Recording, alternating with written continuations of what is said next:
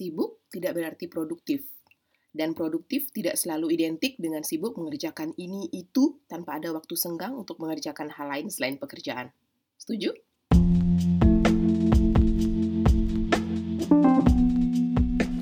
Selamat datang di podcast Being a Translator Nama saya Desi Mandarini, saya adalah penerjemah dan juru bahasa lepas untuk pasangan bahasa Inggris Indonesia.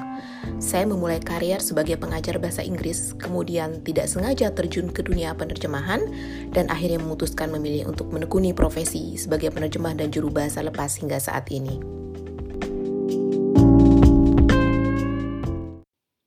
Halo semua, selamat datang lagi di Siniar Being a Translator bersama siapa lagi selain saya, Desi Mandarini. Apa kabar hari ini? Sudah siap menyambut akhir pekan dengan berbagai rencana yang asyik? Atau hanya memilih berdiam di rumah untuk bersih-bersih, bersantai, atau sekadar menghabiskan waktu bersama keluarga dan orang-orang tersayang? Nah, apa pun rencanamu, lakukan dan nikmati sebisanya. Di episode ke-12 ini, saya ingin berbagi tentang apa saja yang biasanya dilakukan oleh pekerja lepas seperti saya – ketika sedang tidak disibukkan oleh pekerjaan atau proyek terjemahan atau tugas sebagai juru bahasa. Jangan salah loh ya, meskipun saya adalah pekerja lepas, saya tetap punya batasan yang jelas antara kapan saya bekerja dan menikmati waktu untuk melakukan hal-hal pribadi atau ya sekadar memanjakan diri. Ini sangat penting menurut saya karena saya tidak mau sampai kelelahan atau stres karena terlalu sibuk bekerja. Saat ini saya lihat di mana-mana banyak orang merasa bangga ketika mereka sibuk, super sibuk bahkan sampai-sampai tidak punya waktu untuk diri sendiri. Apa akibatnya? Stres, kelelahan luar biasa, atau yang dalam bahasa Inggrisnya disebut dengan burnt out, atau bahkan jatuh sakit. Saya tidak mau seperti itu. Dan yang perlu diingat satu lagi, saya tidak selalu dibanjiri proyek terjemahan atau penjuru bahasaan. Ada masanya ketika pekerjaan sedang tidak terlalu banyak dan oleh sebab itu saya punya banyak waktu luang. Dan ada waktunya juga ketika saya ya banyak mendapat uh, pekerjaan dan harus pintar-pintar membagi waktu untuk bisa menyelesaikan semua pekerjaan tersebut dengan baik tanpa merasa kelelahan ya. Nah, ketika saya tidak terlalu disibukkan dengan pekerjaan, saya memanfaatkan waktu tersebut untuk melakukan hal-hal untuk diri saya sendiri, untuk recharge istilahnya, untuk mengembalikan kembali tenaga dan e, kesegaran pikiran agar siap untuk menerima e, proyek terjemahan atau penjuru bahasaan berikutnya. Baiklah, apa saja yang saya lakukan? Saya mulai dengan hal pertama ya, e, untuk uh, apa saja yang saya lakukan saat ada waktu kosong. Nah, saya kan perempuan nih. Ketika ada waktu luang, saya biasanya menghabiskannya dengan memanjakan diri, misalnya pergi ke salon, itu ya sekadar merapikan rambut yang mungkin modelnya sudah tidak jelas atau sekadar pijat refleksi.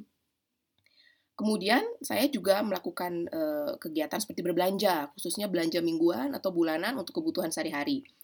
Kegiatan ini juga bisa menenangkan saya loh dan memang harus dilakukan juga sebenarnya karena saya memang perlu bahan makanan untuk di rumah. Itu yang pertama. Yang kedua, saya biasanya juga menggunakan waktu luang untuk membereskan berkas kerja elektronik atau soft copy ya dan berkas kerja cetak kalau ada. Saya lebih banyak sebenarnya punya berkas kerja elektronik. Jadi eh, kebanyakan berkas kerja saya itu saya simpan di uh, entah di hard disk eksternal, di desktop atau di komputer saya ya, atau di uh, penyimpanan awan atau cloud. Nah, berkas yang bentuknya cetak gitu ya, bentuk fisik itu yang saya punya ya paling hanya bukti struk belanja atau uh, bukti pelaporan pajak gitu. Saya masih uh, menggunakan cara tradisional ya eh, untuk melapor pajak yaitu dengan datang langsung ke kantor pajak. Saya belum punya EVIN dan sebagainya. Jadi itu nanti akan saya lakukan. Nah, eh, berkas pekerjaan dan pembayaran tagihan itu juga biasanya semua dalam bentuk elektronik. Jadi saya tidak menghabiskan banyak ruang fisik untuk penyimpanan semua dokumen tersebut. Seperti yang saya sebutkan tadi, saya simpan di cloud, ya, di hard drive komputer saya atau kemudian di backup di hard disk eksternal. Nah, yang ketiga, marketing. Marketing dan marketing. Sebagai pekerja lepas, penting bagi saya untuk selalu memperbarui pemasaran untuk diri saya dan jasa yang saya sediakan. Karena kita, saya tidak pernah tahu kapan eh, klien yang sekarang ini akan mungkin beralih ke penerjemah atau juru bahasa lain mungkin sehingga saya akan kehilangan klien. Jadi untuk itu saya selalu melakukan marketing. Caranya macam-macam. Eh, saya bisa kadang kalau waktu luang, kalau ada waktu luang, saya kadang berkirim surel ke klien lama saya, terutama yang sudah lama tidak ada suaranya atau sudah jarang sekali mengirimi saya proyek atau pekerjaan ya. Selain itu, saya juga eh, mengirimkan lamaran ke calon calon-calon klien lainnya ya. Jadi caranya bagaimana? Gampang gampang sekali. Sekarang sudah ada Google. Kalau kalian sebagai penerjemah atau uh, pekerja bahasa, sekarang ada banyak sekali situs-situs yang uh, memang merupakan portal penyedia pekerjaan terjemahan. Jadi kalian bisa uh, mengirim lamaran ke sana atau kalau mau ke klien langsung, kalian bisa langsung tentukan uh, ruang khusus kalian uh, apa ya, uh, bidang spesialisasi kalian apa, kemudian cari nama-nama perusahaan yang sesuai dengan bidang kalian tersebut dan kirim lamaran ke mereka. Ya. Selanjutnya, kata favorit saya selanjutnya, saya membereskan ruang kerja digital. Ruang kerja digital di sini maksud saya adalah situs web saya, kemudian profil saya di portal-portal penyedia pekerjaan terjemahan tadi, dan termasuk media sosial. Kalau ruang kerja fisik, sesungguhnya yang saya gunakan untuk bekerja setiap hari itu saya bersihkan, rapikan setiap hari dan ini sudah menjadi kebiasaan saya. Jadi, setiap hendak mulai kerja, meja dan ruang kerja saya sudah bersih dan rapi. Saya tinggal duduk manis dan mulai bekerja setiap pagi. Baiklah, setelah beres-beres, kemudian kegiatan saya selanjutnya adalah hmm, belanja. Tadi saya sudah sebutkan belanja ya. Tapi dalam hal ini adalah belanja hal-hal yang saya sukai. Uh, saya biasanya suka uh, browsing tentang buku buku buku elektronik saya saat ini hanya membeli buku dalam bentuk elektronik karena sudah tidak ada ruang lagi untuk menyimpan buku dalam bentuk fisik. Kalau ke toko buku, saya biasanya hanya lihat-lihat saja. Saya lihat kalau ada buku yang menarik, kemudian saya cek apakah ada versi elektroniknya. Kalau kalau ada, maka saya akan beli buku tersebut. Selain buku, um, apalagi ya, terkadang saya juga suka membeli dulu saya suka membeli uh, stationery seperti pulpen, uh, stiker lucu dan lain sebagainya. Tapi sekarang saya sudah hampir tidak pernah membeli barang-barang seperti itu seperti itu lagi karena semua catatan uh, baik itu pekerjaan maupun untuk uh, sehari-hari itu saya sudah gunakan catatan dalam bentuk elektronik. Mengapa? ya itu tadi karena saya sudah tidak punya ruang fisik untuk menyimpan buku dan segala bentuk uh, catatan dalam bentuk fisik. Apalagi ya, hmm, ikut kursus daring atau online. Ada banyak sekali sekarang situs-situs yang menyediakan uh, kursus daring ya. Ada Udemy namanya, ada Skillshare, kemudian juga ada Coursera. Memang tidak semuanya gratis ya, uh, dan setidaknya ada ilmu yang disediakan. Jadi kita bisa pilih hal hal-hal apa yang ingin kita tingkatkan. Kalau di bidang uh, pekerja lepas seperti saya penerjemah, saya kadang-kadang uh, mengikuti uh, menonton kelas yang berhubungan dengan ya menulis misalnya ya karena pekerjaan penerjemah itu erat kaitannya dengan menulis ya. Selain itu ada banyak juga webinar atau pelatihan uh, atau seminar ya di melalui web yang bisa kita ikuti. Saya juga sudah beberapa kali mengikuti ini dan seperti biasa ada yang berbayar, ada yang gratis. Ada namanya RX Translation. Jadi ini dimiliki oleh saya lupa namanya. Uh, Jenei Jenei siapa begitu? Saya lupa nanti uh, akan saya cantumkan di di blog saya ya, di note untuk episode ini. Jadi itu RX Translation, mereka sering mengadakan webinar gratis ya. Kalau kamu juga ingin menjadi anggota berbayar juga bisa. Jadi uh, kamu bisa mengakses semua materi yang sudah mereka presentasikan dalam webinar itu secara gratis seumur hidup. Kemudian ada juga webinar oleh salah satu pakar marketing uh, penerjemah profesional namanya Tess Witty. Saya sudah dua kali ikut webinar beliau ya dan memang sangat membantu menurut saya dari segi marketing untuk uh, penerjemah lepas seperti saya. Kemudian ada creative class namanya.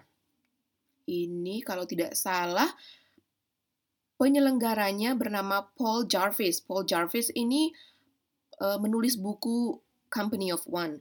Uh, tenang saja kalau uh, tidak ini nanti saya cantumkan semuanya di uh, show note di blog saya ya untuk episode ini.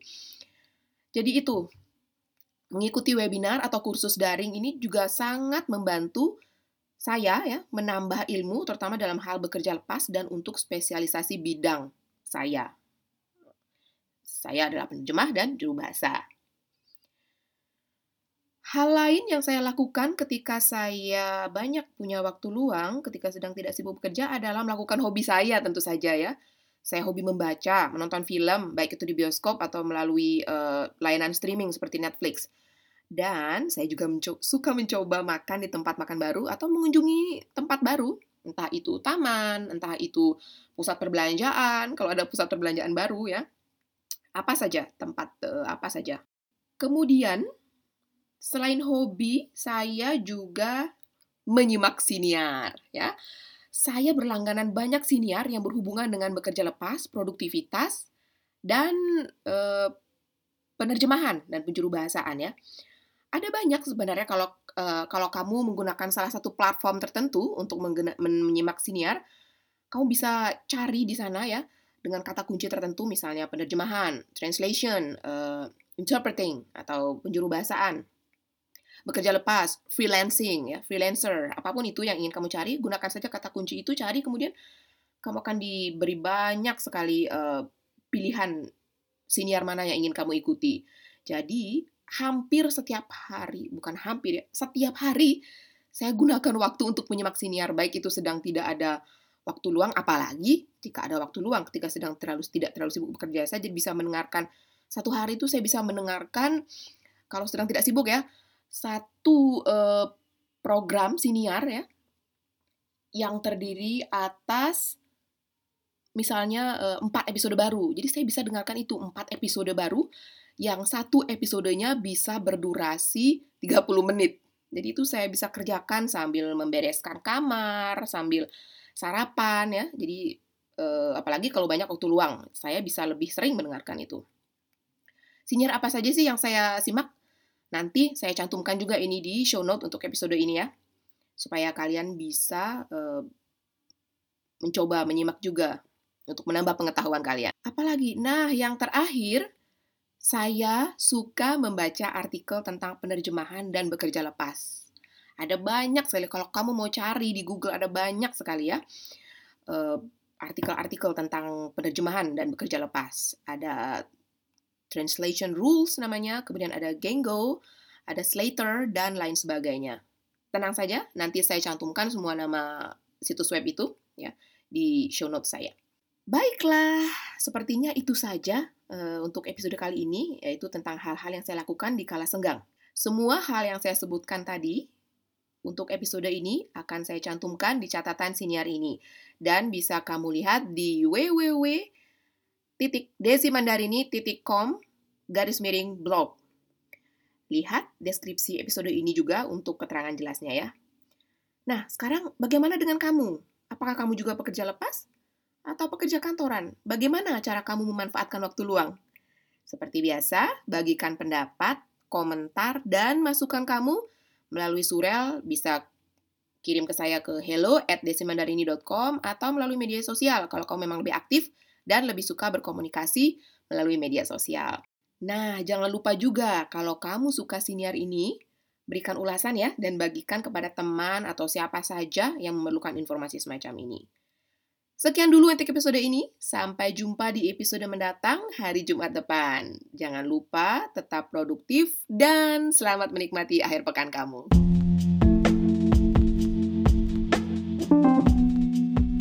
Kalau kamu suka podcast ini, jangan lupa bagikan di media sosial kamu dan beri ulasan. Saya juga menulis tentang pengalaman dan tips seputar penerjemahan dan freelancing di blog saya di www.desimandarini.com. Kirimkan pertanyaan, komentar, dan masukan kamu ke alamat email hello at desimandarini.com atau ke Twitter di DF Mandarini. Tertarik untuk menjalani karier sebagai penerjemah lepas? Atau sekadar ingin tahu lebih banyak tentang keseharian penerjemah dan juru bahasa saat bekerja?